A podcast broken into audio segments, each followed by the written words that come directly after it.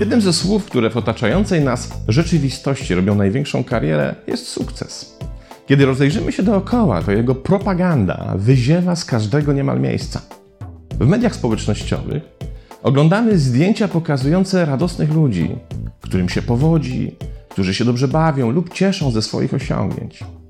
I trudno się dziwić, bo przecież raczej nikomu nie przyjdzie na myśl zrobić sobie selfie w wymiętym szlafroku z potarganą fryzurą i niedopitą butelką wódki w ręku. Na Instagramie, o czym się niedawno ze zgrozą dowiedziałem od własnego wydawcy, panuje nawet trend fotografowania okładek książek ze stojącym obok kubkiem kawy. Wszystko po to, by pokazać, że spędza się czas z wartościową książką. Jednak w rzeczywistości samej książki się już nie czyta. Służy wyłącznie do zdjęcia i informacyjnego przekazu. Zobacz, jak mi się w życiu układa. Jakie wszystko jest fajne, śliczne i pachnące.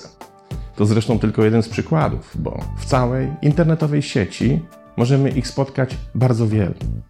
Ale sukces wyziera nie tylko z internetu. Media pokazują nam ludzi, którym udało się coś osiągnąć. Znajomi opowiadają o innych znajomych, którym udało się to i owo. Rodzina wskazuje nam na przykłady innych, których życie jest bardziej udane niż nasze.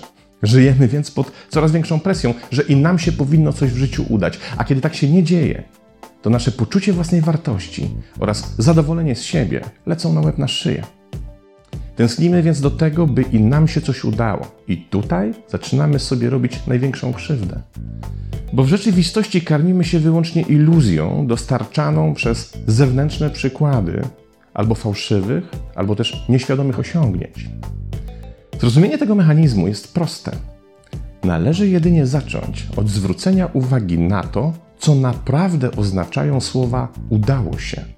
Zawsze ilekroć one się pojawiają w opisie czyjegoś lub naszego osiągnięcia, tylekroć pod ich spodem podczepiona jest wątpliwość, czy dane osiągnięcie będzie można powtórzyć, bo kiedy coś się komuś udaje, to musi się z tym również wiązać duża doza zbiegu okoliczności, przypadku, ślepego trafu czy łudu szczęścia. Pokażmy to na przykładzie sprzedawcy, który w danym miesiącu osiągnął oczekiwany wynik sprzedaży. Udało mu się sprzedać jakiś produkt czy usługę określonej grupie osób. Jednak tak naprawdę sprzedawca nie wie, dlaczego to się stało. Nie jest świadomy tego, dzięki czemu udało mu się taki wynik osiągnąć, a to z kolei oznacza, że nie ma też pojęcia, w jaki sposób ten wynik w przyszłym miesiącu powtórzyć. Więc jedyne, co mu pozostaje, to ponowne czekanie na to, że znowu mu się poszczęści. Sukces oparty na przypadkowym zbiegu okoliczności czy odpowiedniemu ustawieniu przypadków nie jest tak naprawdę sukcesem. Jest wyłącznie zbiegiem okoliczności, co oznacza, że nie został osiągnięty w sposób świadomy.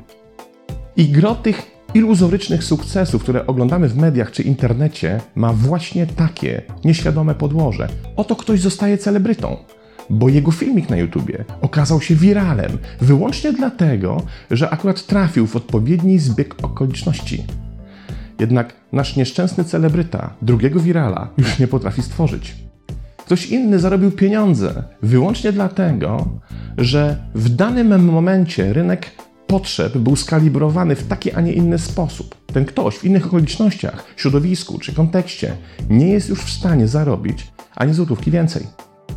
Sukces, którego nie da się powtórzyć, nie jest tak naprawdę sukcesem, bo za prawdziwym sukcesem musi stać świadomość, w jaki sposób ten sukces został osiągnięty. Osiągnięcie nieświadome jest sukcesem spekulatywnym, a nie organicznym.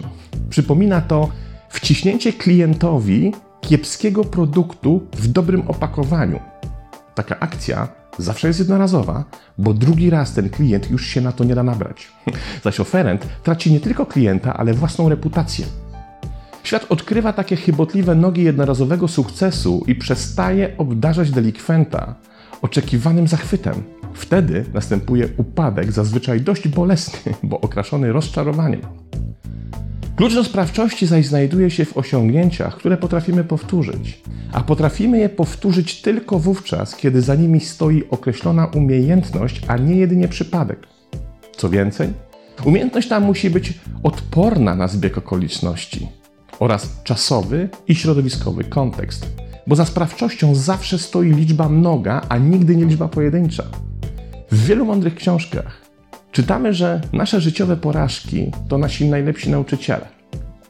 Wielcy tego świata w swoich biografiach wspominają, że gdyby nie one, to nie udałoby im się aż tyle osiągnąć. I to oczywiście prawda. Uczenie się na własnych błędach to najszybsza droga rozwoju. Jednak oprócz nauki na porażkach, istnieje jeszcze jeden jej rodzaj to nauka na sukcesach. Dzisiaj niestety olbrzymia rzadkość. Komu by się przecież chciało analizować sukces, kiedy strzelają korki od szampana? Napawamy się wtedy naszym osiągnięciem, pławiąc się w rozkoszy zwycięstwa. Niestety, w ten sposób pozwalamy uciec niezwykle cennej okazji do nauczenia się tego, w jaki sposób zostało osiągnięte to, co właśnie świętujemy. To okazja do tego, by to, co do tej pory było nieświadome, stało się świadome.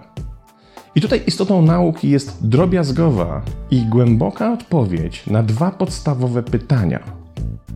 Pierwsze dotyczy tego, jak to się stało, w jaki sposób doprowadziliśmy do osiągnięcia konkretnego rezultatu.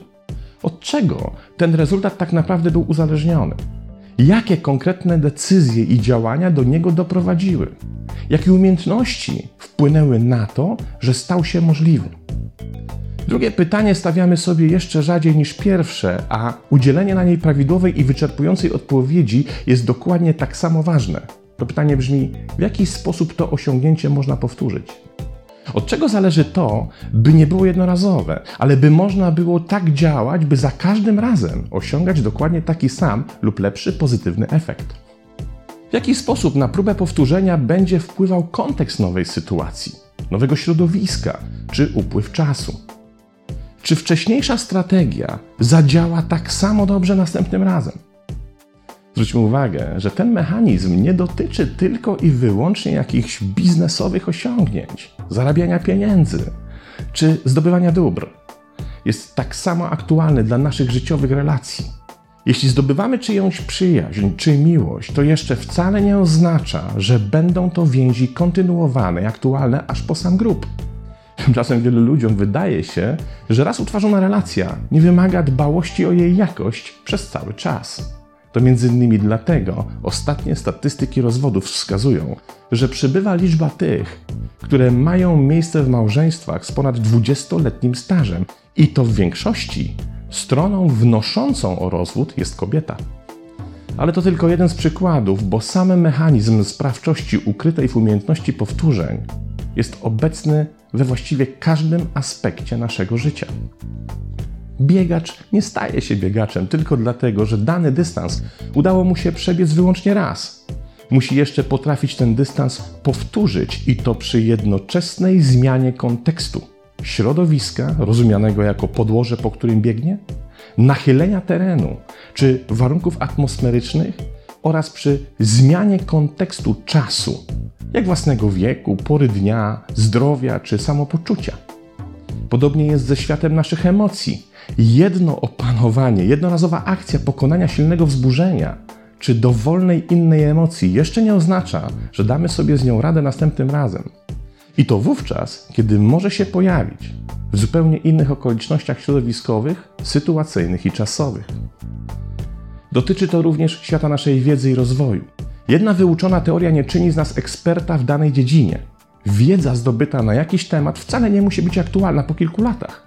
Przekonanie, że efekt Y jest następstwem wystąpienia zjawiska X, wcale nie musi wytrzymywać próby czasu i dotyczyć wszystkich rodzajów środowisk i kontekstów. W nauce, między innymi na tym polega ewaluacja, by na bieżąco sprawdzać i uzupełniać konkretny projekt o aktualne dane. Tak samo jest z dowolnym sukcesem. Staje się istotny, jeśli potrafimy go powtórzyć w sposób świadomy, uaktualniając jego strategię. Bo nasza życiowa sprawczość budowana jest wyłącznie dzięki umiejętności powtórzenia danego osiągnięcia. Warto to zawsze brać pod uwagę. A jeszcze jedno, warto też pamiętać jedną z myśli Alberta Einsteina. Nie staraj się być człowiekiem sukcesu. Staraj się być człowiekiem wartościowym. Pozdrawiam.